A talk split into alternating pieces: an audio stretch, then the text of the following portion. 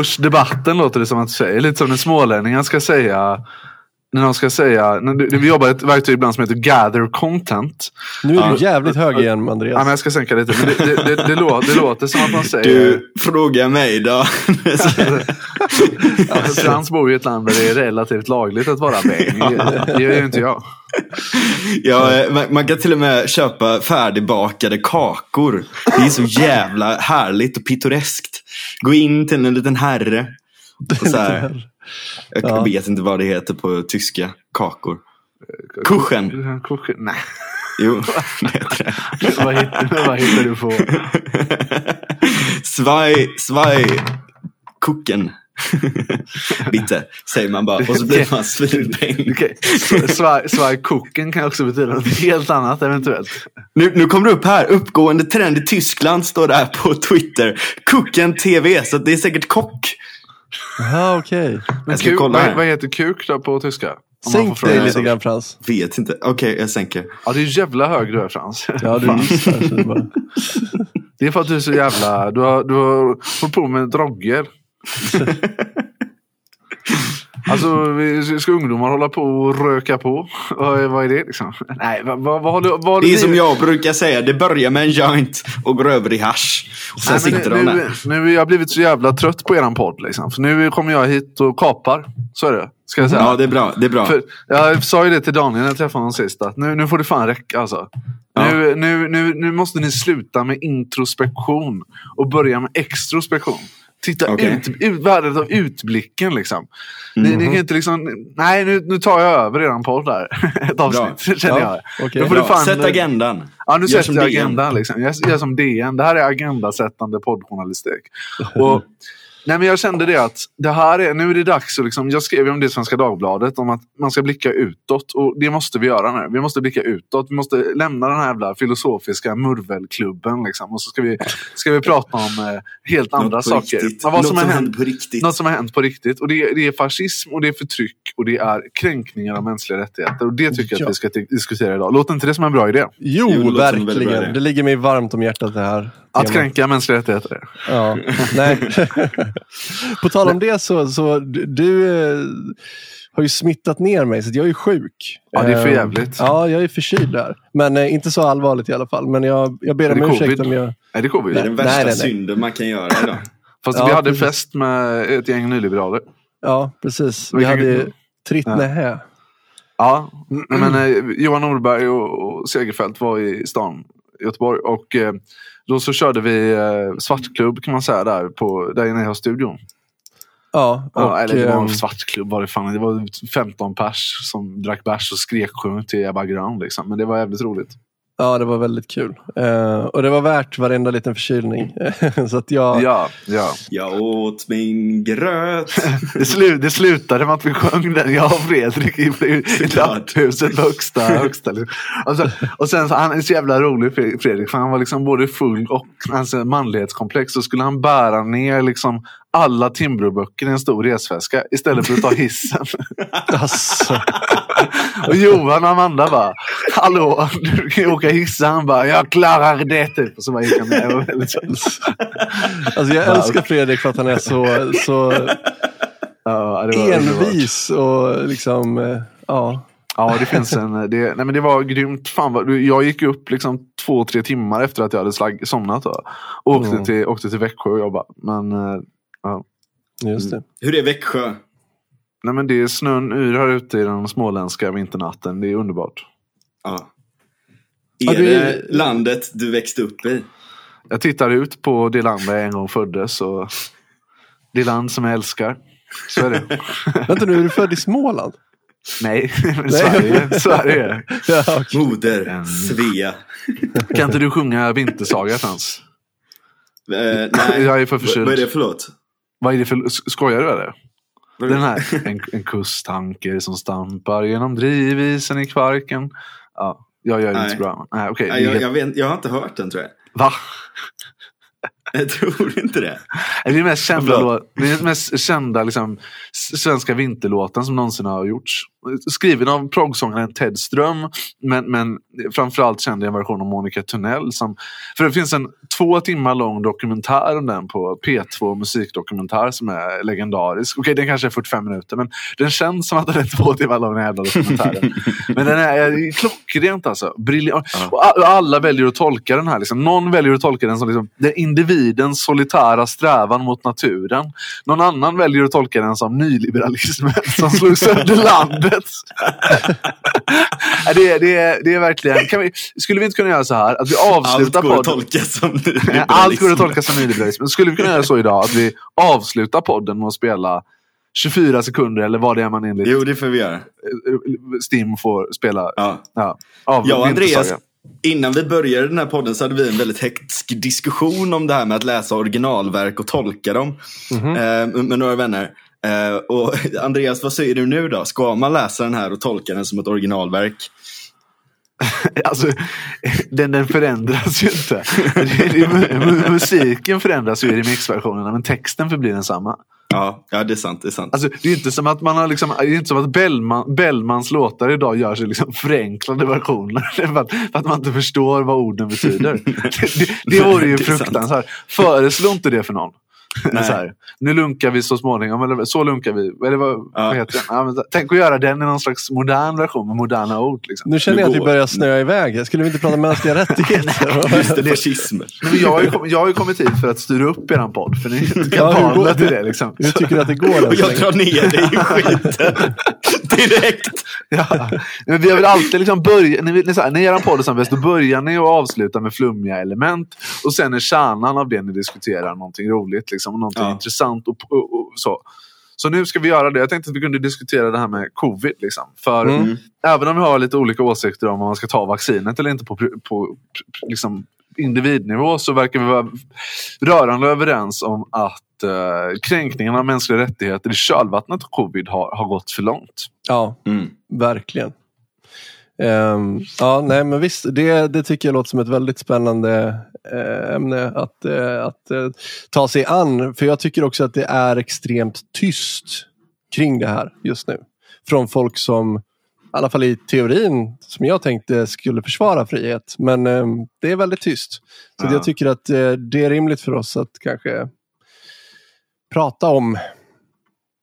Men jag tycker att det, jag tycker att det jag tycker nog det är lite svårare än, än vad du tycker. För jag tycker att det liksom, samtidigt som vi är fast i liksom en, en ursäkta mig, jag jag har varit lite förkyld så jag är lite så här. Men, men, nej, men samtidigt som vi har varit fast i en cykel av, av lockdowns i västvärlden som har varit jävligt skrämmande. Så har ju också den enda kraften hittills mot lockdowns inte varit liberaler utan ganska liksom högerextrema högerpopulister och sådär. Och att man skulle kunna ta en, en klassisk upplysningsposition där man är för vaccinet på, på individnivå. Men där man är alltså liksom rent vetenskapligt tycka att men vaccinet är, är bra, det borde man ta. Och kombinera det med att vara emot tvång och förtryck. Jag jag, ty- jag tycker inte att det borde vara en konstig grej. Liksom.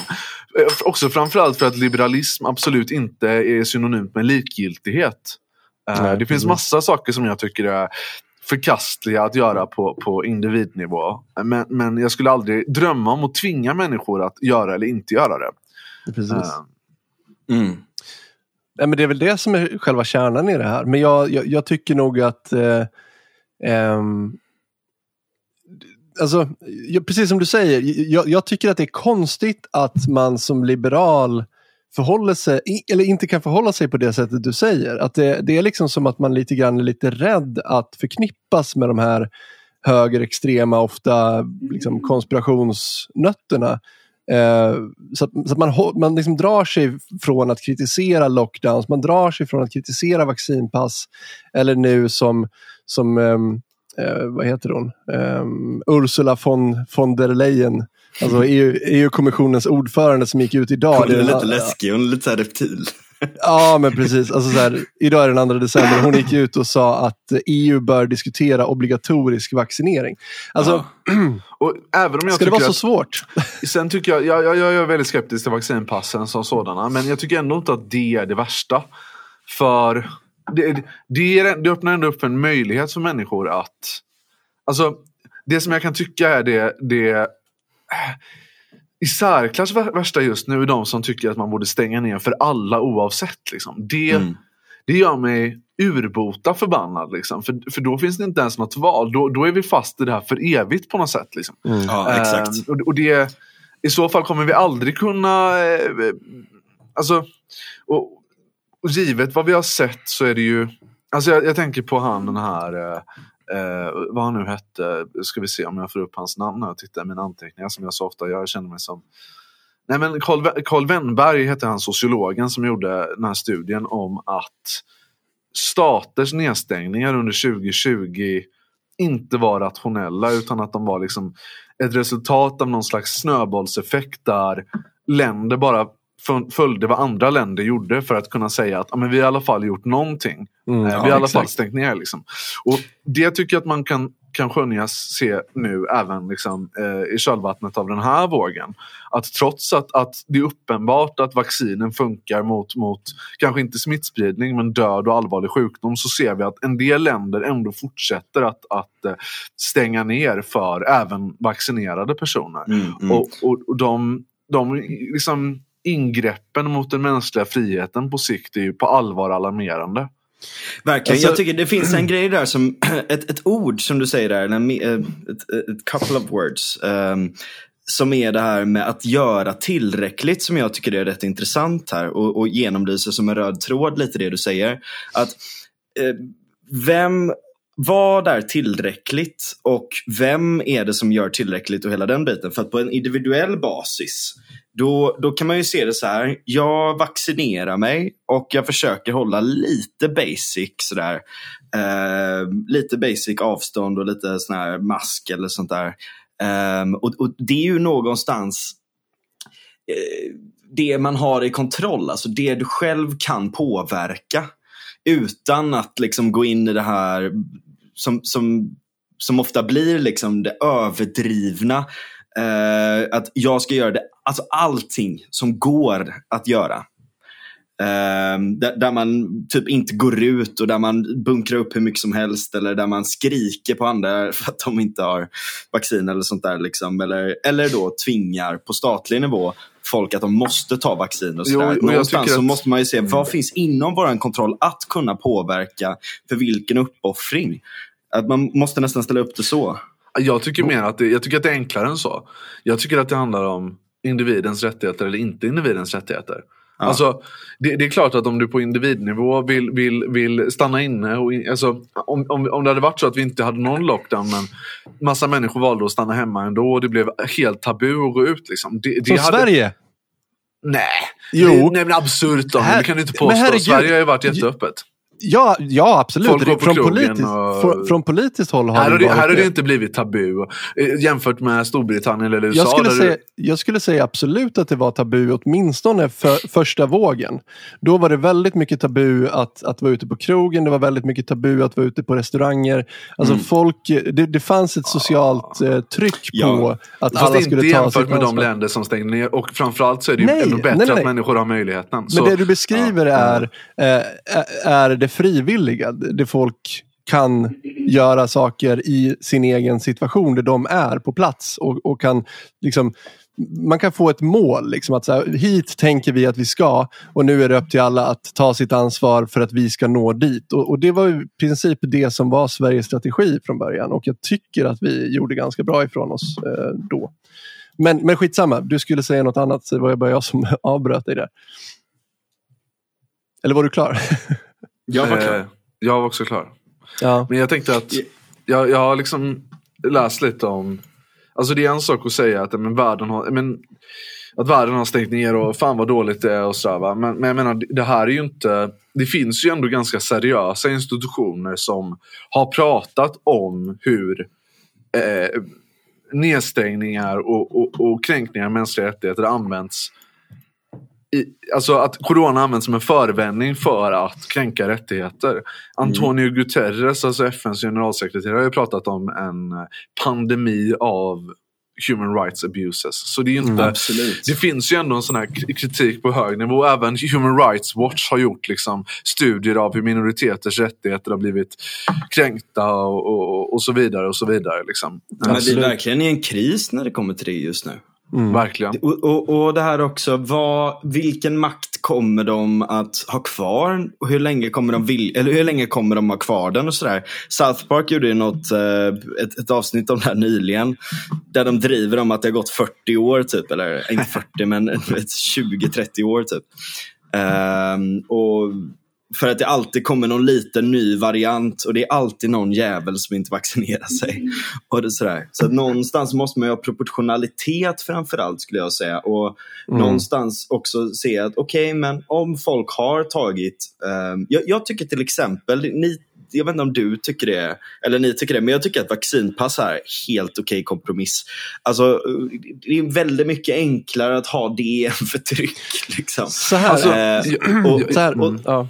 Jag, tycker nog, jag tycker nog att det är fel med vaccinpass men, men att det är ett politiskt förslag man på allvar ändå kan diskutera fram och tillbaka. Men ja. lockdowns är ju inte det. Liksom. Det, det är ju bara helt förkastligt. Ja. Å andra sidan så blir det implicit ett, ett, eh, ett krav i så fall. Så att det, det, det är sant, då måste man nästan betrakta det som, som att det är tvång. Men vi, liksom. men vänta nu, vi måste göra en helhetsbedömning av det här. För att jag menar, det är klart att jag är för eh, vaccinpass i princip. Alltså, så här, jag tycker att det är upp till den enskilda näringsidkaren att bestämma om en person ska komma in eller inte. Det är helt självklart. Mm. Du ska ha friheten att välja vem du gör affärer med. Punkt Just det, det, är det, är, det är en helt självklar rättighet. Den ska ja. inte inskränkas Men överhuvudtaget. Problemet är att vi har inte den rättigheten idag. Och de vill införa den för att komma åt en grupp som de inte gillar. Mm. Alltså folk som inte har vaccinerat sig. Och då blir det en eh, ett sätt för staten att via proxy komma åt en grupp som de inte gillar. Och där börjar det skava för mig. Alltså mm. till exempel um, jag, jag, skrev om det här på Twitter häromdagen. Uh, att, att alla, alla former av regleringar liksom skapar ju en effekt som att om du tar bort dem så, så kommer de slå tillbaks. Det kommer bli en rekyl. Och det kommer drabba folk ganska allvarligt. Till exempel om hyresregleringen. Om du skulle avskaffa hyresregleringen från en dag till en annan så skulle hyrorna sticka iväg enormt och det skulle drabba alla hyresgäster som, som, som har ett förstahandskontrakt idag. Alltså det, det, skulle slå extremt hårt mot dem, så det vill man inte. Alltså jag mm. är helt för den principiella friheten att ha en fri hyressättning, absolut. Men jag är inte för att, att vi ska liksom gå från en dag till en annan, vilket drabbar enormt mycket människor. Utan vi måste trappa ner det här. Och nu dessutom, om man vill använda ett sånt här eh, liksom, i princip frihetlig eh, avreglering för att liksom, det ska slå hårt mot människor man inte gillar då är det inte läge att göra det. Vi kan absolut diskutera vaccinpass när den här pandemin är över. Just nu är det inte läge. Alltså. Det är ju problematiskt också vad som kan hända om vi har den principen att så fort, vi, så fort det är ett beteende som är förkastligt så då sätter vi upp ett pass för att du måste ha gjort eller inte gjort någonting. Det är ju fasligt nära Kinas sociala kreditsystem. Liksom. Absolut, verkligen. Uh, och det, uh, ja, nej, det där det är fan. Jag håller med dig Daniel, men det, det jag Nej, jag tycker såklart att det är fel på, på statlig nivå att tvinga det. Men, men jag menar, det är ändå så jävla... Jag, jag, tycker snarare att det är lätt att den kritiken glider över i att liksom... Att man ska vara helt likgiltig inför om folk tar vaccin eller inte. Men på individnivå är jag inte alls det. Jag tycker fortfarande att det är lika eh, barbarisk idioti att, att, att vara kritisk till vaccin. Liksom. Som är en av de stora uh, vetenskapliga revolutionerna som vi har gjort som människor för guds skull. Liksom. Ja, verkligen. Det, det, alltså om, om det är någon liksom, vetenskaplig innovation som kanske kommer på topp tre, om inte på liksom, första plats i mänsklighetens historia som liksom har varit en rejäl game changer, så är det vaccin. Mm, ja. det, det är liksom inget snack om saken. Det är liksom, Tänk er den här pandemin utan vaccin. Det vore ja, ju, då vore 20, ja, ja. hur många miljoner vore döda då? Liksom? Det är ju fruktansvärt. Precis. Ja. Så att jag, jag, jag är helt med dig. Alltså, så här, jag tycker att det är upp till var och en att, att ta det beslutet. Särskilt när vaccinen uppenbarligen, det här har vi gått igenom podden förut, men vaccinen skyddar ju primärt den personen som tar vaccinet. Det, det är det vaccinen är bra på och det ser vi. Eh, att minska smittspridning och så vidare, det, det är klart att det minskar smittspridningen men exakt hur mycket och så vidare, det, det verkar inte vara helt solklart och det verkar ju vara så att särskilt med delta i alla fall så, så finns det absolut risk Ja, jag, att jag, jag, samtidigt tycker jag det är svårt att gå in på den epidemiologiska diskussionen där. För att där vet jag egentligen ingenting. Liksom. Men, Nej, eh, jag, jag bara citerar vad, Ja. vad CDC säger i USA. Fan, det kom för Eh. övrigt någon jävla intressant studie om att statsvetare och... och, och är och alltså väldigt s- överskattade. Nej men, samhälls, nej, men samhällsvetare hade varit liksom underrepresenterade i rapporteringen kring pandemin. Mm. Och det, det tycker jag är ett problem, liksom, när filosofiska frågor om statens storlek och individens rättigheter och statens liksom, mandat eh, börjar besvaras av läkare. Liksom. Ja, Det är typ som i den narkotikapolitiska diskussionen där liksom, precis. Kai precis. Knudsen och andra får sitta och, och uttrycka vilken, vilken policy vi ska ha. De är experter på det. Liksom. Vad Nej, nej, fan? nej, nej, verkligen. Och Ja, dessutom, eh, det är ganska intressant vad den hippokratiska eden gör. Alltså när man har svurit den då, så är det så här, okej man får aldrig eh, ge harm till en annan person och eh, jada jada och allt sånt där. Alltså det är ju nästan som en sån här trosbekännelse liksom.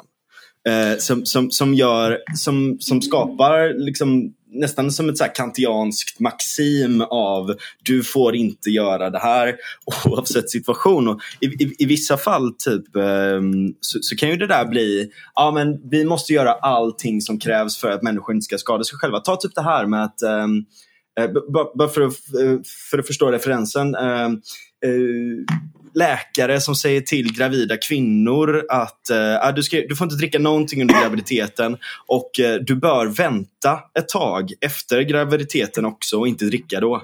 Mhm. Någonting.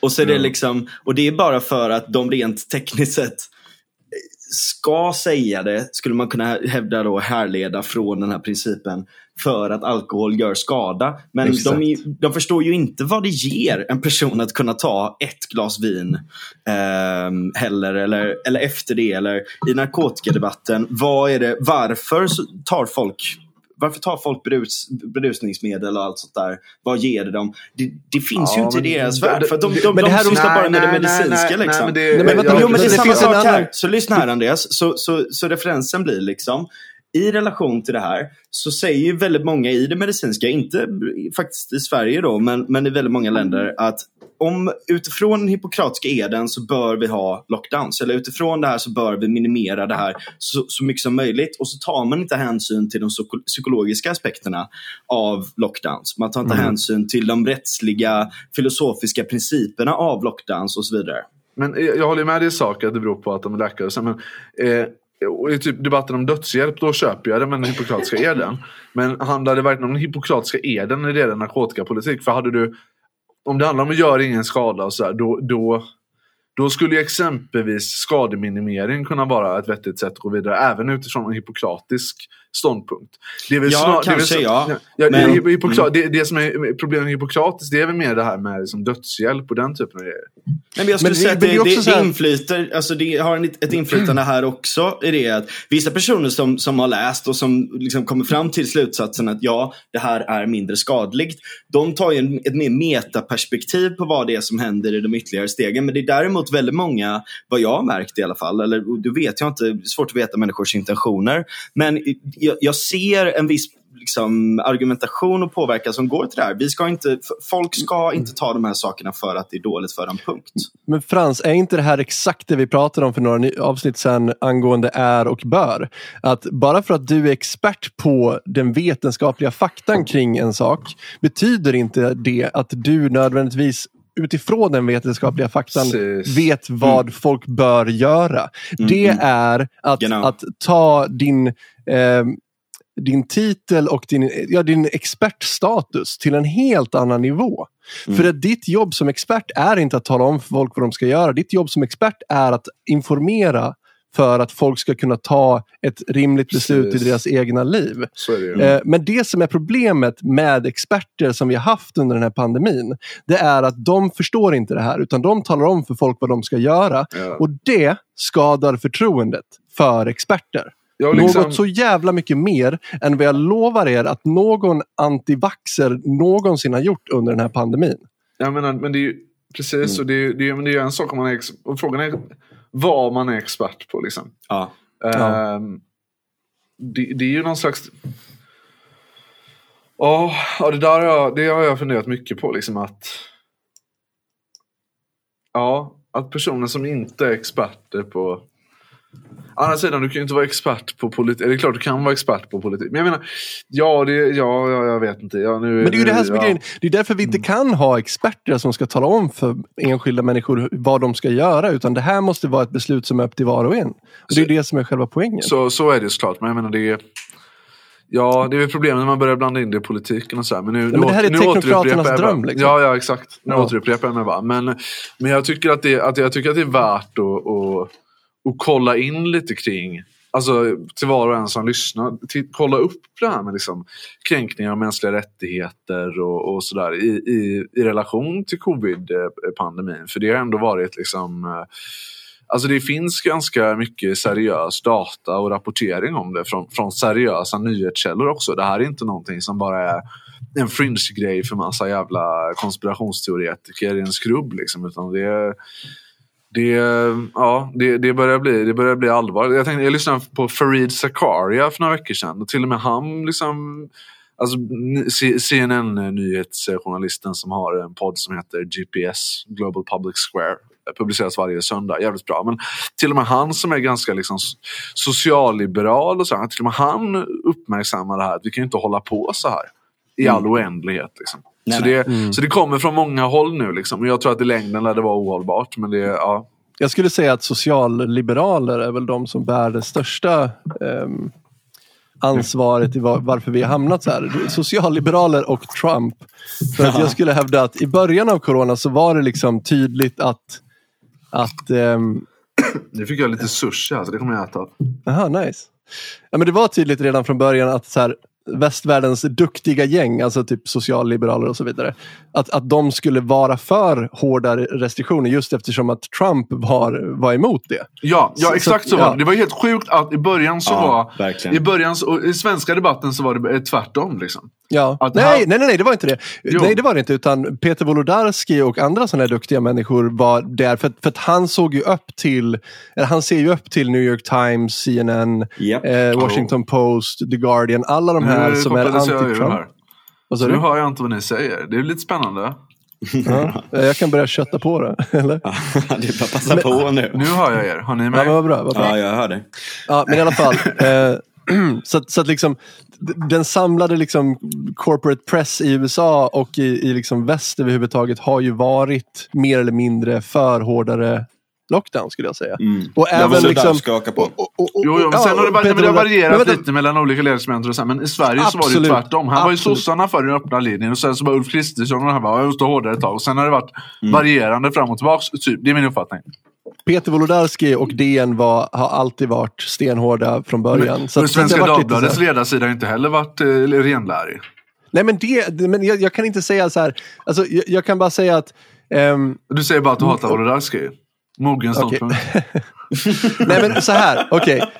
Problemet är att när liksom, världens duktiga socialliberaler går ihop och ska liksom vara för hårdare lockdowns och så vidare, vilket får Facebook, Twitter, Google, YouTube, alla de här duktiga människorna att, att hålla samma linje och rensa bort alla Trump-aktivister från, från Facebook och Twitter. Alla som på något sätt försöker argumentera för att nej, men lockdowns kanske inte är en bra idé. Eh, hur effektiva är vacciner? Vi behöver veta exakt. vad- Vi måste ställa lite kritiska frågor och så vidare. Så att, alltså, grejen är att om man kollar bland demokrater i USA så, så, så är det så att 41 procent av demokrater i USA verkar tro att hälften eller fler av de som får corona måste få sjukhusvård. Så det säger ju någonting om hur liksom vinklad Ja. informationen har blivit. Det är inte så att de har rensat bort desinformation. De har de- rensat bort desinformation från ett perspektiv. Eh, Typ i ert andra, jo, kanske, så, kanske det, men, men i ert andra avsnitt så sa du att Sverige hade misslyckats med coronapandemin och att folk dog på äldreboenden och sådär. Var Nej, det var med- första avsnittet och det Ja, jag första- sa var Var inte du med för mer lockdowns så, på den tiden? Absolut inte. Jag, jag tyckte att Sveriges linje var rimlig redan från början. Det, det har jag alltid tyckt. Och jag kan, jag kan ta tillbaks exakt vad det var jag pratade om då. Jag har, jag har under hela corona räknat väldigt mycket. Jag har begått väldigt mycket matematik. Eh, och det första jag gjorde när siffror kom från Italien det var att räkna på Sverige. Eh, för där kunde man se att eh, corona, det här var typ den 22 februari tror jag, 2020 som de här siffrorna kom. Eh, och då visade det sig att corona hade en dödlighet på ungefär 1% och då var det liksom över hela befolkningen. Eh, och dessutom så kunde man se att eh, 99% av de som dog var... Tjockisar. Nej, men de var över 50 år. Så att, och då räknade jag på det här. Och det var många som räknade på det och många var helt ute och cyklade när de räknade på det. För de sa att okej, okay, eh, om vi kör en lockdown för alla över 50 och låter resten springa runt och, och bli, få naturlig immunitet. Då kommer vi få 50 000 döda människor under 50. För att om vi tar eh, vad var det, 1 procent eh, och så räknar vi på ungefär eh, 5 miljoner då, som är under 50. Um, ehm, om vi räknar 1 procent på på 5 miljoner så kommer vi få 50 000 döda. Det var så de räknade. Men det är ju helt fel. Det var ju 1 procent av de som dog var ju under 50 och det var 1 procents dödlighet vilket innebär att du måste räkna 1 procent av en 1 av 1 procent. Ja. Så att det, det kommer närmare 500 personer som skulle dött i sådana fall under 50. Och om vi dessutom kan ursäkta, få bort då eh, de människorna som hade haft, som har enorm risk under 50 Eh, för corona så skulle den här siffran dyka enormt mycket lägre. Och sen får väl alla göra vad fan, alltså folk får ta sina egna risker i sina egna liv. Man får säga, nu är det en pandemi som pågår här. Vi får, vi, vi, alltså, ni måste tänka på det här, precis som man gjorde i Sverige. Jag tyckte att det var en helt rimlig linje. Men då måste man kunna skydda de äldre på äldreboenden som inte klarar av att skydda sig själva. Och de har ju det offentliga ett, ett ansvar för. Mm. Och det var det jag kritiserade just då. Att det misslyckades man med i Sverige. Ja, förresten, jag har ju jag har också jag har begått lite så här civil olydnad. Aha. I, på grund av corona. Liksom. Jag, jag gömde ju en flykting. En coronaflykting. Va? jag har inte sagt det. Nej, berätta mer om det här ja. i podden. Ja, nej men jag... Direkt länk till Säpo. Säpo, hon är inte någon islamist. Liksom. Nej, det, det, hon, hon är snarare en sån som, lite som du Daniel. Nej, jag ska, nej men en sån så här, right wing extreme. Hon tror ju på mycket så här reptiler och så. Men, äh, och det gör jag menar du? ja, men så här att reptilerna tar över världen och att Hillary Clinton styr oss genom någon slags socialliberal dominans. Och så, ja, nej, ja. Det är uppenbart att, att mainstream media och, eh, och eh, sociala medier har en eh, social liberal, liberal Nej, bias. Det måste du ändå hålla med om. Ja, det har jag ingen aning om. Men, men däremot så, Mikaela hette hon, eh, konstigt nog, för att hon var, hon var, hon var australiensisk medborgare och brittisk mm. medborgare. Och flydde då först från Australien till UK och sen därifrån till Sverige. Hon hade aldrig varit i Sverige. Hon var, hon, hon var nog ganska korkad och lost. Liksom, för, så här, Tiffany som är min underbara, fantastiska American friend. A shout out to you if you're listening. Uh, you're probably not, but whatever. Uh, och sen bara, uh, nej, hon, hon, hon uh, skulle flytta och så bara, jag hade ju gigantisk lägenhet i Stockholm så hade jag alltid en roomie och så då så tog jag in Michaela från, från Australien och Storbritannien och eh, hon, hade liksom, hon visste inte ens var Sverige låg. Hon bara “South of Sweden is uh, Italy right?” och Jag bara “No, you're not in Switzerland”. ja, bara, what's, what's the difference? Nej men hon trodde ju det. Hon trodde ja. att hon var i Schweiz, men äh, jättegulligt sådär. Nu bor hon i Köpenhamn och jag var, jag var där för några veckor sedan och bara så här, jag, hon är jättetrevlig och rolig. Ja, jätte, och ganska rolig. Men så bara, jag kom till Köpenhamn och så sa hon så här um, did, did you did you travel here all the way from Sweden? I said, I, ju I just came on the bridge across the strait. What strait? Och då tänkte jag, nej det här är, det är för gulligt. Men, Hon är bög. ja just det, exakt. det var roligt. Du har inte förlorat Göteborgshumorn än. Nej, men, eh, men hon, hon eh, var ju liksom coronaflykting och hade egentligen inte uppehållstillstånd i Sverige utan eh, liksom levde väl på sina föräldrars pengar. Bodde i mitt sovrum och försökte jobba som frilansfotograf illegalt eller något. Men eh, ja, sen blev hon deporterad till slut och då flydde hon till, eller hon insåg väl att hon skulle bli det och då flydde hon till Danmark istället. Så. De var yeah. och jag var också väldigt förvånad över att jag visste vad de sa. Typ. Jag gulligt alltihopa. Jag med. ja, underbart. Ja, det gjorde du väl Ja, rätt men det, är, det är liksom rätt många som har varit flyktingar och sådär nu. Det har kommit det här ordet digital nomad. Jo, men jag var, jo, nej, men det var det jag skulle komma. Jag må, förlåt, nu ska jag inte avbryta igen. Jag Ska, ni ska få prata snart. Men jag kom till en sån, hos sånt hostel då, som hon tog med mig till. Där alla var från olika länder som hade flytt coronasituationen i deras hemländer. Och så var Mm. de digitala nomader, men de hade bara flytt till Sverige på grund av the covid situation. Så det var, ja, var Mm. fascinerande faktiskt. Det kom ett inblick i den världen. Liksom. Och några av dem var med i en SVT-intervju sen och så. Mhm.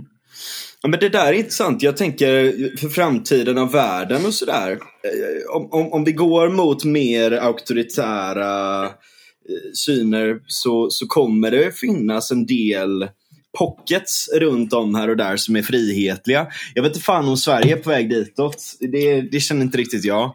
Men, men att eh, nu var vi ju det. Men, eh, eh men, men, men det här med att liksom jag tror nog starkt på, på eh, så här små stadsstater som har ganska mycket frihet internt. Liksom. Eh, och möjligheterna med att kunna jobba på distans. Jag tror verkligen att det kommer utveckla sig. Jag hoppas du har rätt, men eh, jag tror jag, jag är lite mer pessimistisk. Alltså, när det kommer till präktiga, duktiga, auktoritära människor så... nah. Ja, fast de är ju inte det. De, de, de och, ju, och ställena de åker till är inte det heller. Liksom. Vadå menar du? Alltså de som är digitala nomader. Nej, nej, de nej. är ju inte Jag- präktiga jag- och de nej, åker ju nej, inte nej. till präktiga länder. Och där är den grejen att det kanske är så att det kommer vara Jag menar inte Eh, dem, jag vill bara understryka Ja, men jag, jag tror att det kommer absolut finnas liksom komparativa fördelar. Alltså nästan så institutionell konkurrensnivå som lockar människor genom frihetlighet. Och, och det kanske inte är liksom jättestora länder för att de har så jävla mycket overhead-administration och stat och bla bla bla. Allt sånt där. Liksom. Jag tror att det kanske kommer vara mer decentraliserat. Ja, jag, jag hoppas du har rätt. Jag, Vad tror jag, du om det Andreas? nej, jag, jag har ingen aning. Men Mm. eh, det är väl liksom... Eh, ja, nej jag vet inte. Jag tycker det är jävligt svårt liksom. Men... Eh, Mm. Ja, nej, jag, Jag hoppas att det finns Men, Jag hoppas att det kommer finnas mycket i Europa också. Att en viss mån av Schengen finns kvar. Typ. Det är så jävla segt med alla fucking visa och bla bla bla bla, bla och sånt hela tiden. Men jag menar, tittar man på den generella demokratiutvecklingen så går vi tillbaka. Liksom, eller Ja. mer auktoritära drag. Liksom. Delvis beror det Little lite dark age. men grejen är, Ja. är inte det här också ett, ett litet problem just för att vi tror att auktoritära är de gamla totalitära? Nej, Vi, vi, vi tror liksom att eller vad? ehm, det är bara nazister eller fascister eller kommunister som kan Mm. vara Precis. eh, auktoritära. Vi, vi tror liksom att en, en välgörande Peter Wolodarski kan aldrig vara auktor- auktoritär. Han Men menar ju väl. Han tror... han är väl inte problemet.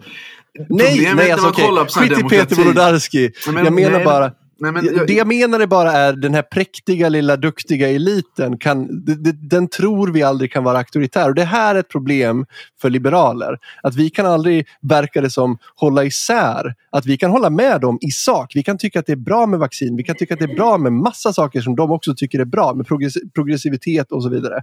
Men när de blir auktoritära, då är det som att vi ser inte det.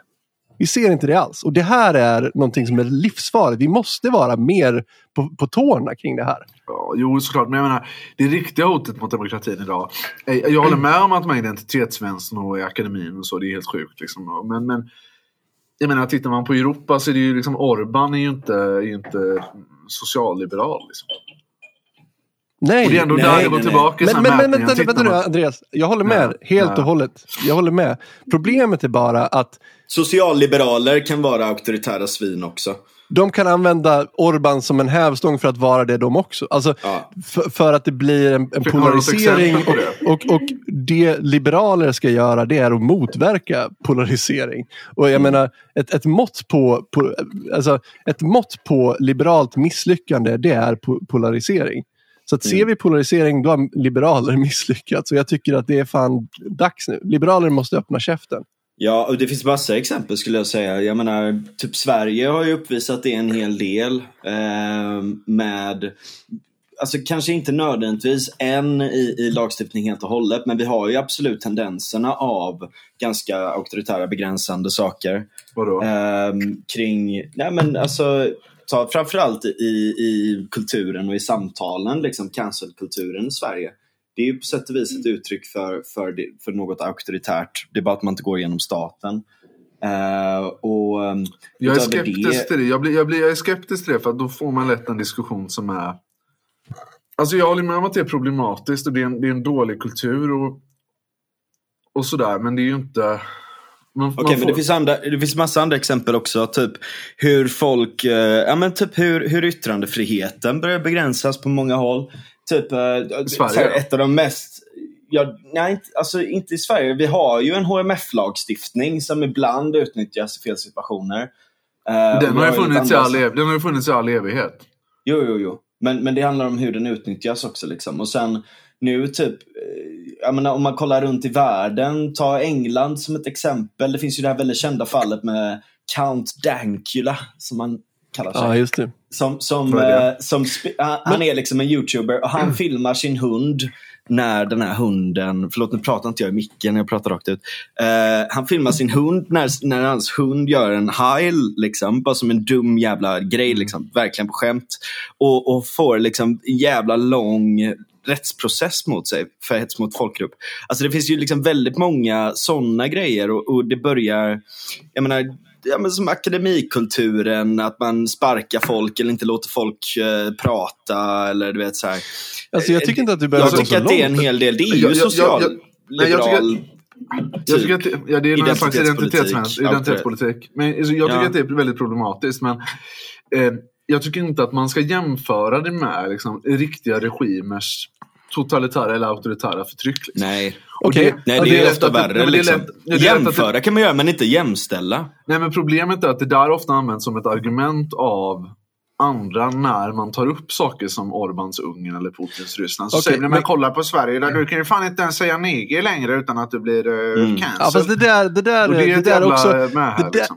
Fast det där är ett socialliberalt argument för att de Va? ska komma undan med sin bullshit. Om vi, alltså jag, jag försvarar inte Orban eller Putin överhuvudtaget. De är idioter i sin egen rätt.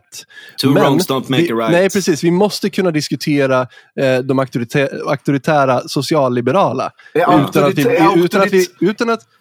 utan, att vi bara, utan att vi ska hamna i liksom att så här, ja men kolla på Orban då, han är ju ännu värre. Ja, jo visst, absolut. Jag, jag kan hålla med om att på en, på en graderad skala så är han värre, absolut. Och det ska vi prata om också. Men vi måste kunna prata om den här. Och grejen är att vi behöver inte ta det så jävla långt. Alltså, jag menar hela Sveriges narkotikalagstiftning, är, är inte det en, en, en präktighet som liksom får fortgå bara för att det är Mm. på något sätt politiskt korrekt? Ja, att liksom sparka på en liten svag grupp för att vi känner oss duktiga för att vi är min sanninga knarkare och sådana där Men går den fula... åt rätt de- håll eller går den åt fel håll?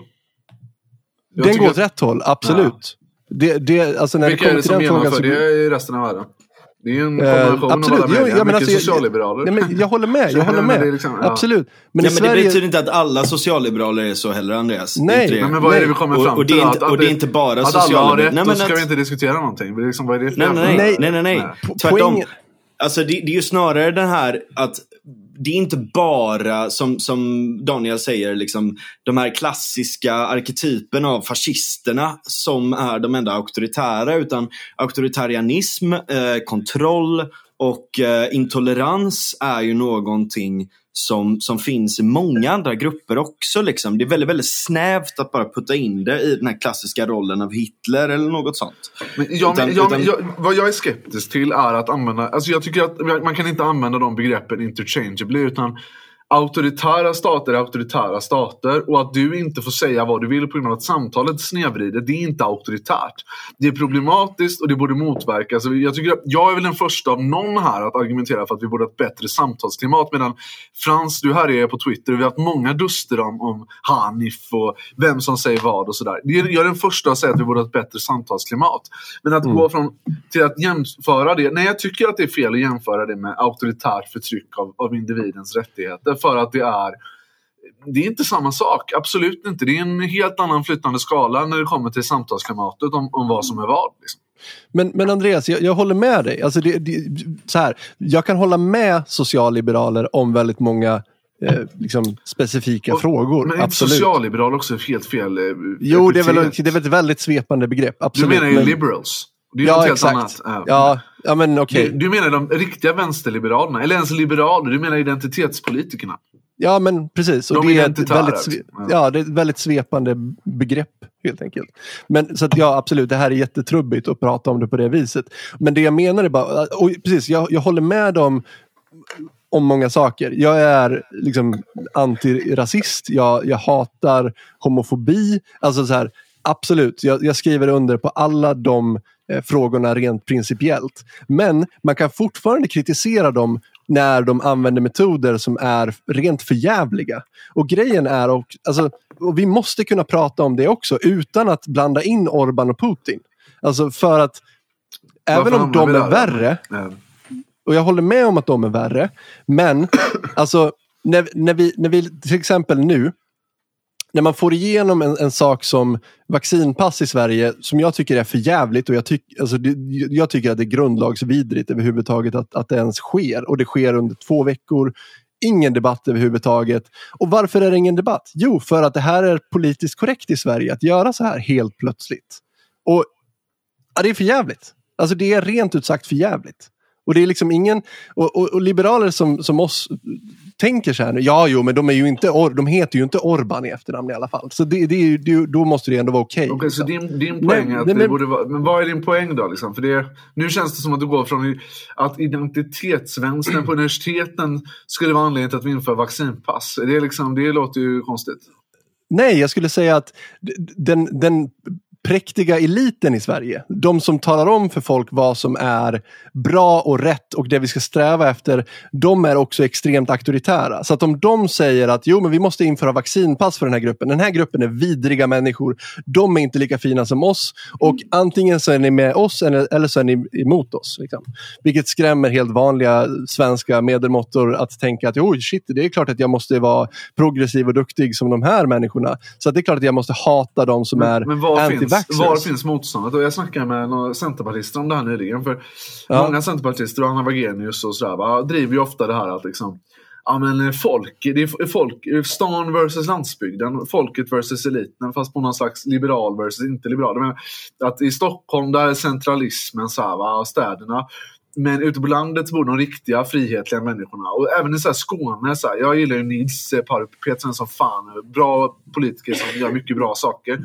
Men när han liksom bara, ja, men det är Skåne mot Stockholm i frågan om vi ska ha gränskontroller på Öresundsbron. Bara, du har ju fel! De har ju helt fel i det. Det är ju för fan på landet som de här mest intoleranta Sverigedemokratväljarna finns. Skåne har ett av de starkaste fästen. I hela Norrland, den här Norrlandsromantiken som Centerpartisterna har nu. Det är jägaren som slåss för sin individens frihet på landet. Så här. Det är bara, det är ju på liksom. De är ju Men det är rödas... Ja men, nej, men de är, ju- de, ja, men det är så här, det är, en- det är en fi- fiktion. Men- det är, hela, Ja. hela Norrland är ju sossigt. Liksom. Jo, nej, men jag Men- säger inte att du har fel bara för att... eh, Du, men jag menar, det är lätt att måla upp en sån konflikt. Du vill ju att Sverige ska bli mindre polariserat. Då kanske det inte är Nej, rätt att måla nej, upp nej, en du falsk tänk- konflikt du- mellan folket och eliten. Liksom. Där folket Nu är skulle vara anti-auktoritära och eliten Nu- inte. Då, vilka är eliten? nu, nu tänker du binärt. Jag- Jag menar inte att säga att, att det är liksom antingen eller mellan de här två grupperna. Jag säger att de här idioterna finns på landsbygden också. Jag menar, jag är uppvuxen på landsbygden. Jag vet vilka idioter som bor där. Och det finns präktiga idioter där och det finns rasister där. Det finns alla möjliga idioter. som jag liksom, Och alla är de auktoritära och jag avskyr de tendenserna hos dem oavsett vem de är. Så det finns inget Eh, hopp längre. Men, men det, Jo. Jo, det är precis det jag säger. Men det jag menar är att vi måste kunna kritisera eh, de som bor på Södermalm också. Så de, de som jobbar på DN eller på SVT också. Just de Där har vi, och det, alltså min, min poäng är att vi har en blind spot inför dem. Vi ser Sverigedemokraternas auktoritära tendenser och folk på landsbygdens auktoritära tendenser. Och Det är vi livrädda för, det ser vi direkt. Med all rätta ska vi göra det. Men vi ska också se de auktoritära södermalmarna också. Att de också är auktoritära och vi måste säga åt dem också okej, när de beter sig okej. som idioter. Det är det som är min poäng. Ja. ja, jag vet inte hur vi kommer vidare i det här. Vad, eh, vad Ja, men, jag, ja, men jag vet vad, vad är, om vi ser positivt då, vad, vad ser vi de bästa eh, exemplen på frihet? Jag har faktiskt ett väldigt bra exempel. Eh, jag har en, en, en kompis som, eh, som du känner, eh, Andreas Axel, som, som är med i Vänsterpartiet nu. Och han har en sån jävla bra Ja, ja och, och, och jag faktiskt, alltså för det är så jävla lätt att bara sitta och bärsa vänstern och sådär liksom, och extremhögern och allt sånt. Men något som är riktigt bra eh, där är ja, men den här nya, liksom lite postkapitalistiska, lite så. Okej, okay, vi fattar, vi behöver kapitalismen, men eh, hur kan vi använda den för att bygga communities? Hur kan vi använda den för att bygga till exempel företag som har eh, eh, vad heter det, ägaroptioner och sådana här saker. Liksom. Och ja, det har blivit en ganska stor Nej, han, han är jävligt vänster. Alltså, men han är vänster i den, alltså han är den frihetliga vänster. Jag har hittat den Daniel. Alltså shit. Ja, jag har oh hittat den. Vi ska ha med honom. Uh, vi ska ha med honom snart också. Uh, Kul. Men, men det, det, det, är en del som rör sig där och, och väldigt mycket av det är ju så här, okej, okay, vi har alla möjligheterna med den här nya, för vi är ändå lite i ett nytt paradigm av kapitalism just nu i, i, i bemärkelsen att det inte längre bara storföretagen som kan vara innovativa och disruptiva som, som man kanske har känt lite innan och sådär utan det finns väldigt mycket man kan göra på lokal nivå, mycket startup-kultur, väldigt mycket mm. tjänsteekonomi som börjat komma och så vidare och så vidare.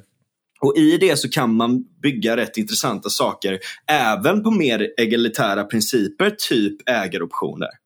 Mm. Eh, och sådär. Och typ snarare då, hur gör man sådana här företag enkelt? Hur gör man det enkelt för att göra sådana här företag? Och det är sånt som jag och Andreas höll på. När, när vi var med i, i CUF hade oss, liksom, så var det ett av våra bästa grejer som vi höll på med. Liksom. Hur eh, kan man skapa enkla företagsformer? Eh, mm. och, Min arbetsgivare har ju bara löst det. Ja, ja, och det är ju faktiskt väldigt sant. Det är väldigt sant. Du får, du får flasha deras namn om du vill. De heter Fortnox. Nej men det är ett av Sveriges coolaste techbolag som bygger lösningar ja. för att driva, det är en liksom, företagsplattform online.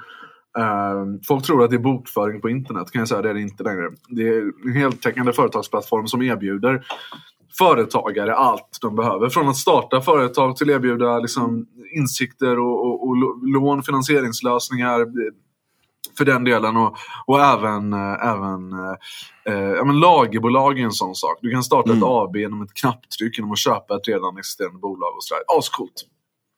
Ja, det är mm. skitcoolt och det, det, är så jävla nice. nice för att alla de här nya grejerna ger oss plattformar. Alltså det här är någonting som jag har pratat väldigt mycket om tidigare i podden. Eh, och som, som du Andreas, har, jag har tjatat hål i huvudet eh, på dig under processen av att skriva det också. Men, men det här med att skapa liksom, dels memetisk, memetisk infrastruktur men också sociala plattformar med olika affordances då så man kan komma i kontakt med andra. Eh, och, eller liksom, väldigt mycket av det systematiska är där. Alltså det är integrerat och du slipper ta så jävla många steg för att göra saker och ting utan allting är liksom väldigt, väldigt integrerat.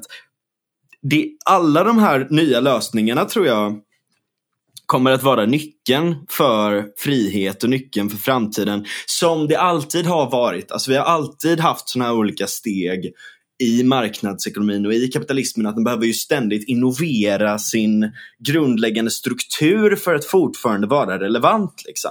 Och, mm. och, när, när det stagnerar lite under ett tag och saker och ting känns skit och allt sånt där, då blir folk skitsura och så tänker man att ah, ingenting funkar, allting är kapitalismens fel och la la la la. Och sen så, bara, och så får kapitalismen en kris, eh, ibland väldigt fysiskt men ibland eh, också ideologiskt. Liksom. Och sen så mm. kommer det här nya som löser det. Bam! Bam och så är vi inne i ett nytt paradigm och så funkar det hur bra som helst. För, för att eh, det, det, den i sin grundläggande memetiska konstruktion har kreativ förstörelse i sig. Och idén om att bygga upp nätverk och plattformar och hela den här biten. Och jag tror att det framtiden för vänstern i att inse det och att utnyttja det även liksom, ska inte, liksom man ska inte överdriva blockchain och dess möjligheter men, men, men, men bara faktumet att man börjar se till sådana här konstruktioner och lösningar just nu tror jag verkligen kan vara en nyckel för att bygga saker och ting mer organiskt för vänstern och känna att man har kontroll och agens över utveckling. Mm. Det, det, det tror jag är jävligt viktigt för folk att känna. Alltså framförallt tänkande liksom, människor som vill någonting. Då kan man liksom. hoppas att de slutar vara vänster och blir liberala istället. Men, eh, ja, fast det ja. blir ju typ, alltså, du kan ju fortfarande ha egalitära principer när du gör det. typ. Som sagt, ah. ett, ett, ett, företag med ägaroptioner. Det kan, vara, alltså, det kan vara liberalt såklart, men det kan också göras liksom, på ett så att säga vänstersätt. Liksom. Jag tror inte att man behöver vara så uteslutande mot mot det liksom. Ja, det tycker jag. Det, det här känns skrämmande att du inte tycker att det finns rätt och fel längre. Men i alla fall. med det sagt, det finns ingen chans att rädda er podd, inser jag nu. Ni, ni får treta på, och, och, eller det är treta, finns det ens ett ord? Vad vet jag? Eh, underbart att träffa er. Jag ska iväg nu och dricka glögg med min chef. Eh, så det får jag väl göra. Kul att du var med Andreas. Vi, eh, vi... Ja, vi hörs. Ha det gött gubben. Ja, vi ses. Ha det gött. Jag har begått lite matematik. Mhm. För grejen var att så här, alltså apropå det här med corona och, och, och passen och, och allting sånt här. Och vi har ju pratat i podden tidigare om liksom, smittspridning och vad passen kan göra för det. Och jag menar, man ser ju nu att det verkar inte ha någon större effekt på smittspridningen som, som sådan egentligen, passen. Det verkar inte finnas några bra belägg för det i alla fall. Eh, så jag har liksom så här lusläst en massa argument för varför vi ska ha vaccinpass. Jag kommer ihåg i, i eh, första pushen för vaccinpass som var någon gång i augusti, september Mm. så var det väldigt många människor som jag, alltså jag tycker att det är vidriga åsikter, men de var ute och vevade och sa att jag tycker att folk som är ovaccinerade ska ehm, inte ha rätt till sjukhusvård. Ehm, och är det så att de behöver det, eh, då ska de få betala det själva för att de har själva orsakat det här. Mm. Eh, och det, jag, jag, tycker att det är så vidrigt. Och det här är människor som liksom beskriver sig själva som liberaler. Och jag, jag känner bara att usch, vad jävlar i mig, vad creepy. Och är, det här, och, liksom, och är det här politiskt korrekt att säga i Sverige så blir jag ännu mer orolig för vad... Ja, skit i det. Men det, fin, det, det, det finns ändå någonting i det här argumentet som jag ändå tog på allvar. Liksom att Anledningen till att man vaccinerar sig det är för att ehm, liksom, inte vården ska bli eh, överbelastad. Och det, det är det som folk eh, som har någonting att säga om det här eh, fortsätter repetera som ett mantra. Att så här, man vaccinerar sig inte på grund av smittspridning, man vaccinerar sig framförallt på grund av att hålla ner trycket på vården. Mm. Så jag var tvungen att liksom, jag var tvungen att räkna lite på det här. så jag kollade helt enkelt på alla åldersgrupper från 20 till 90 hur många det var som var vaccinerade i varje åldersgrupp. Och så Mm. räknade jag ut hur mycket människor det motsvarade, alltså antalet som var ovaccinerade i varje, varje åldersgrupp. Och sen tittade jag på hur eh, stor del utav varje åldersgrupp som har varit inlagda på IVA under hela pandemin. Mm. Och så räknade jag ut ett snitt då för varje åldersgrupp vad det motsvarade ungefär. Och sen räknade jag ut för antalet ovaccinerade i den åldersgruppen vad det motsvarade i antal personer. Mm. Det kanske låter väldigt snurrigt nu. Men, men det man skulle kunna säga det är att om det var så att de som fortfarande är ovaccinerade i Sverige nu, mellan 20 och 90 år, om alla de skulle bli sjuka i corona i morgondag och man räknar på det eh, som alltså de siffror som finns, då gissa hur många som skulle hamna på IVA i sådana fall. Ingen aning. Lite drygt 900 pers skulle Ja. hamna på IVA. Under hur Och lång då- tid? Ja, det, är- det är ju det också. Man ligger ju på IVA ganska mycket längre med corona. Men, och, och då är det liksom så här, då måste vi ju räkna med att så här, det här är ju förutsatt att de som är ovaccinerade inte har någon immunitet sedan tidigare, liksom så här, av genomgången sjukdom. Men det vet vi att de har. Men, men vi skiter i att vi, vi, vi säger att de inte har det. Så det är förutsatt det. Och ehm, dessutom att andelen i riskgrupp procentuellt sett är lika hög bland de ovaccinerade som i befolkningen i stort. Vilket Mm. vi kan anta att det inte är heller. För att jag menar, om du är i en riskgrupp så har du ju högre incitament att vaccinera dig Ja. än om du är ung och frisk och tänker Mm. att Nej, men jag tar mina risker med den här sjukdomen. Så att, Mm. så att även där finns det anledning att misstänka att, att bland de ovaccinerade så finns det ett mindre antal ehm, som har sjukdomar än vad som finns procentuellt sett i befolkningen i stort. Alltså det, är- det, det är bara ett antagande jag gör. Men Ja. bortsett från det eh, så, skulle det bli, så skulle det bli ungefär 900 personer samtidigt som skulle hamna på IVA. Mm. Och då ska man ju veta då också att då, utav de som läggs in på IVA så har ju 90 procent eh, någon form av tidigare sjukdom som typ diabetes eller hjärtsjukdomar och så vidare.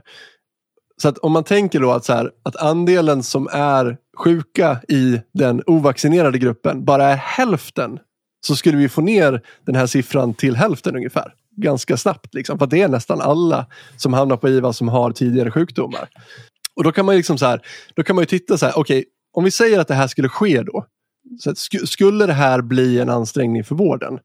Om man tittar då på så här 2020, alltså året då vi inte hade några vaccin och, och, och var och en kunde drabbas och läggas in på IVA. Hur många procent fler eh, tror du liksom intensivvårdades under 2020 jämfört med, med tidigare år? Ingen aning. Alltså det var 2000 färre än ett vanligt år som intensivvårdades. Det brukar ligga på ungefär 44-45 000 personer per år som intensivvårdas av, av många olika anledningar. Ja. Eh, och 2020 låg det på 4 000, eller 42 000 pers ungefär. Eh, men grejen är det, det, det, var ju en ansträngning på vården, men det berodde främst på, precis som du sa innan, att, att folk med corona ligger längre på, på IVA än vanligtvis. Och det gjorde att intensivvården ansträngdes med ja, ungefär 25 procent högre tryck än andra år. Det är rätt och det här, mycket nu. Ja, det är, det är ganska mycket. Så att om vi, om vi, och det här blev ju intressant att räkna på då.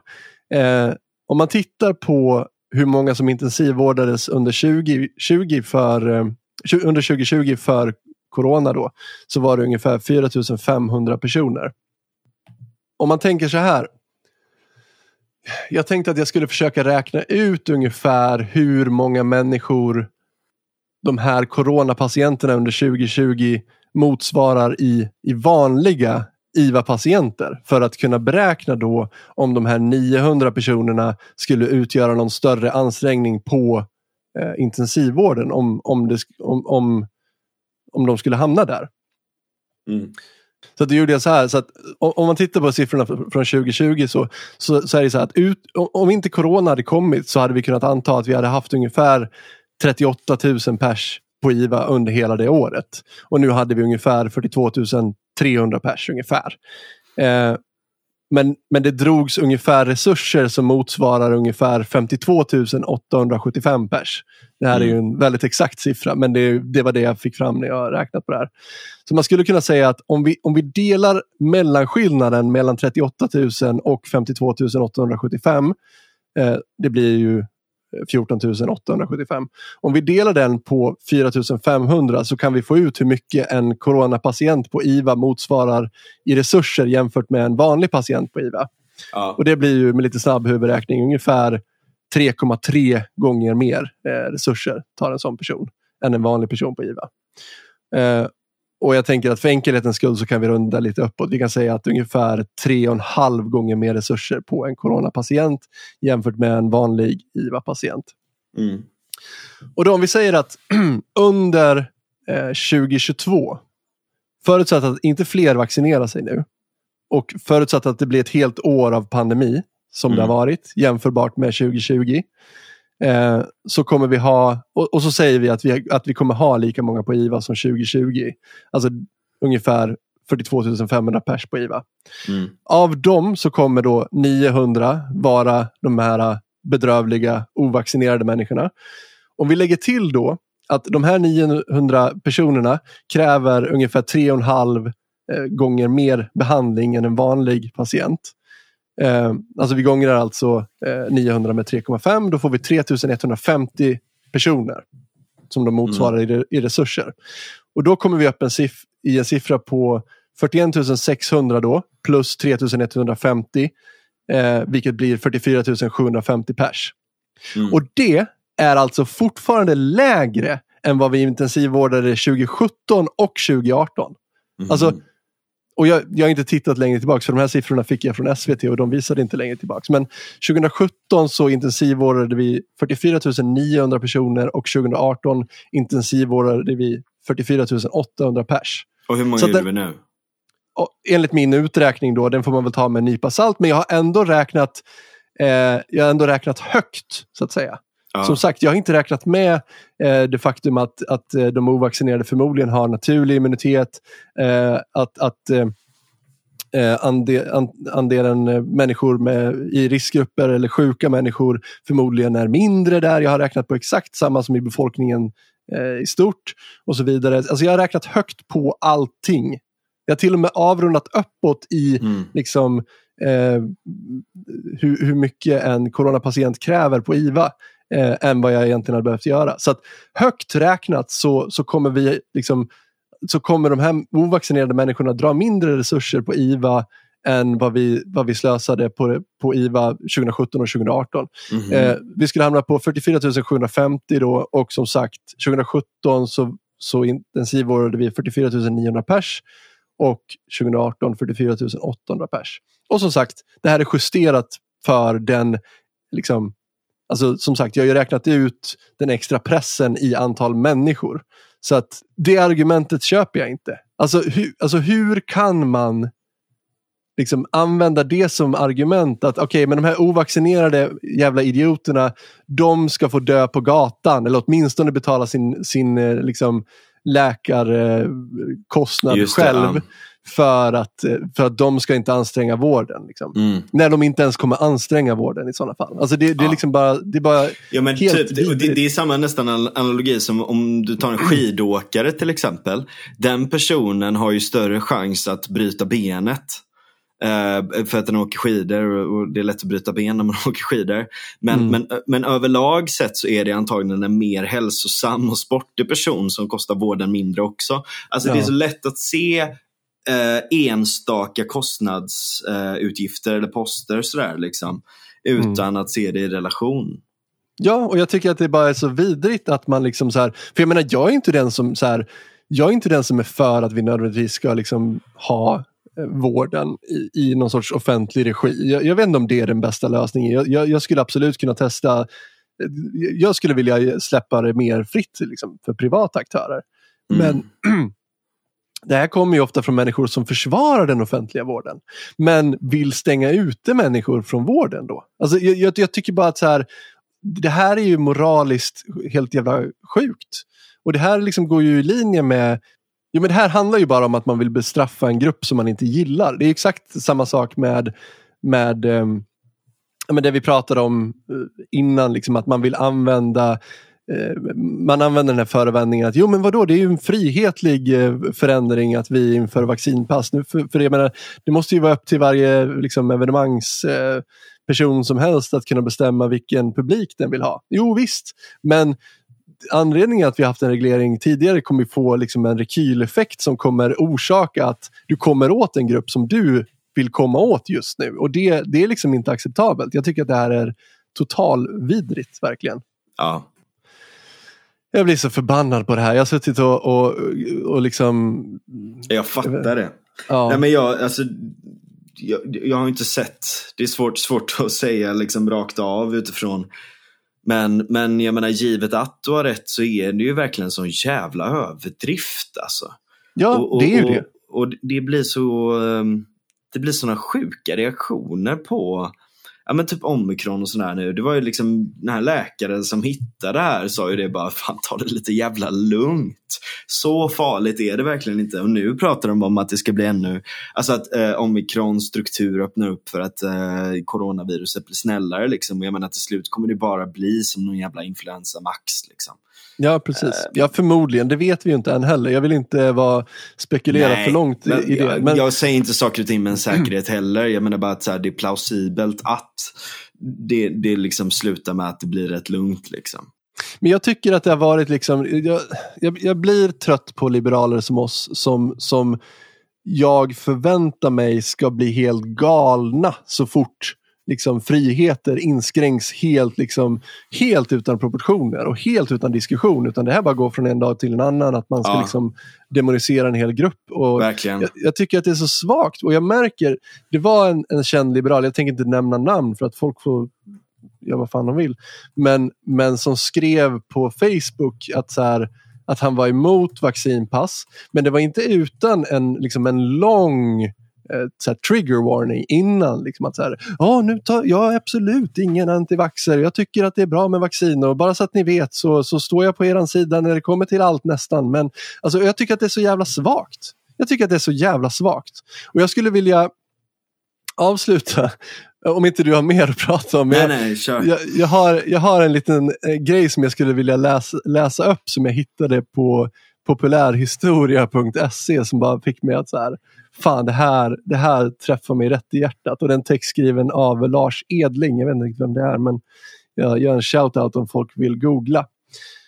Jag vet, där, det är den här liberalerna som jag pratade om på Facebook eh, gjorde den här uh, också att här, ja, men de antivaxxers som jämför sig själva med judar och springer runt med gula sexuddiga stjärnor. Mm. Det är för jävligt att de gör det och jag förstår liksom att, att ja, det, det är möjligen lite överdrivet. Jag, jag, jag köper det. det. Det, det. kan vara lite överdrivet.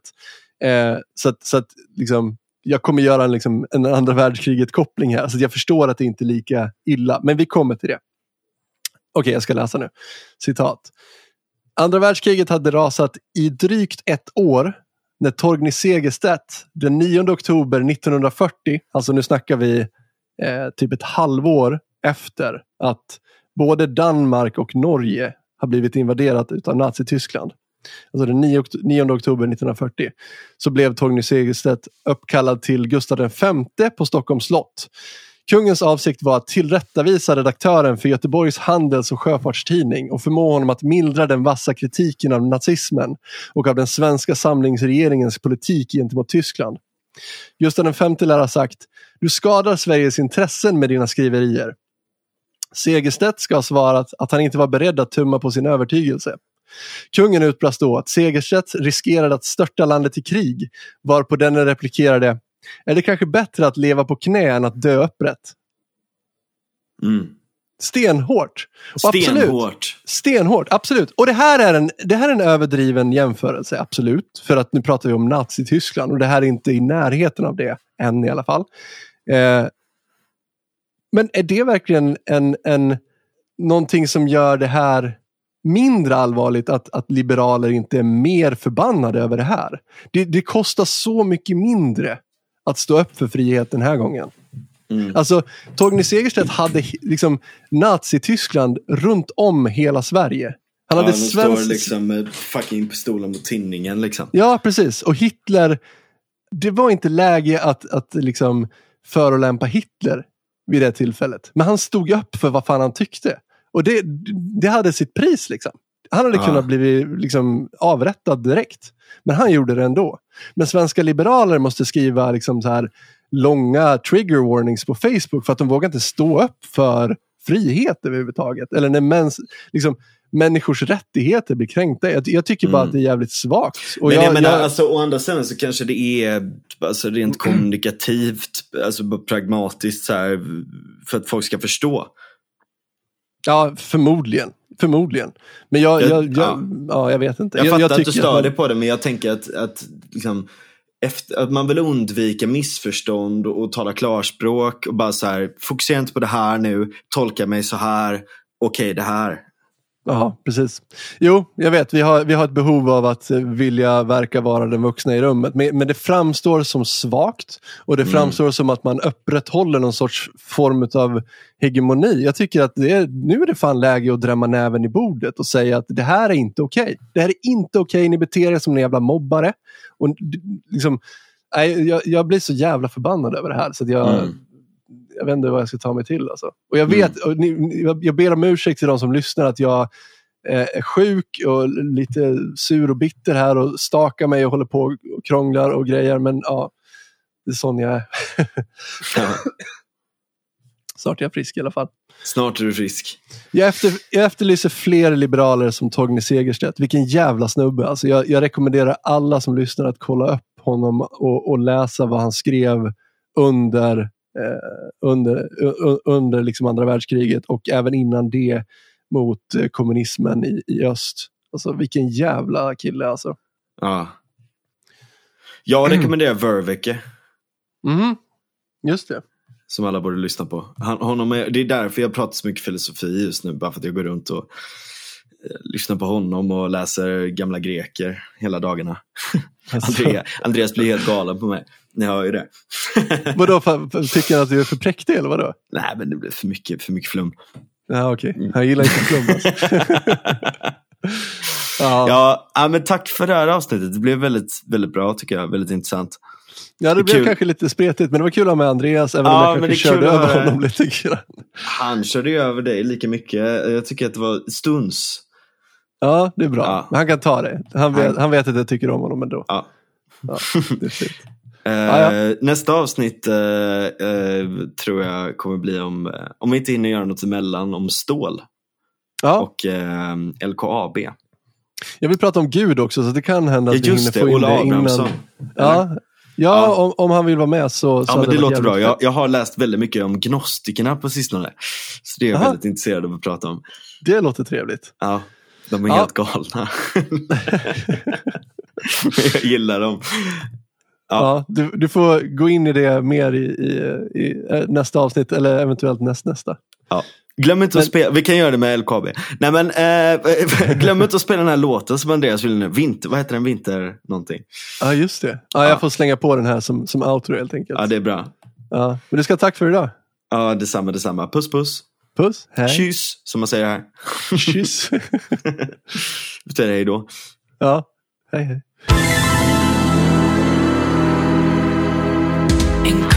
Tankar som stampar genom drivisen i Kvarken. Ett träningspass på Ullevi i dis. Gränsstation i Torneå, en gumma på en spark. Landsortsfyr där snöstormen drar in.